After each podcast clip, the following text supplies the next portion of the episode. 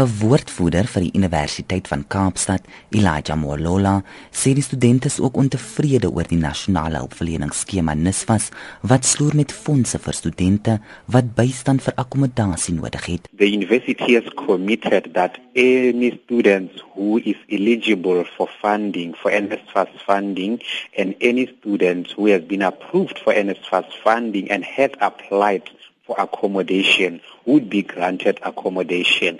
We have students who might have been approved for NSFAS funding but had not applied for accommodation when they applied to the university last year.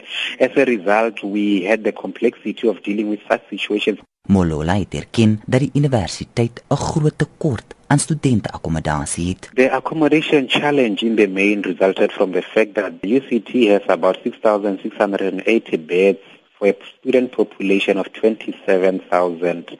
So as a result, the recognition is that we can only place about 25% of our students in university residence. That is a situation that the university on the long term would have to work on in conjunction with the Department of Higher Education and Training. Hy sê om oplossings vir die probleem te vind. Which included finding temporary accommodation for these students who have been placed in temporary housing and they have been provided with transport as well as food. We are also assisting students to be placed either in our own residences or we are assisting them with finding accommodation off campus next to the university campus. Another thing that we have done is that we've sent out an appeal to property owners in the vicinity of the university to offer their houses, their cottages, their rooms as accommodation for our students. Molola sê akademiese aktiwiteite is nie onwrig deur die protesaksie nie.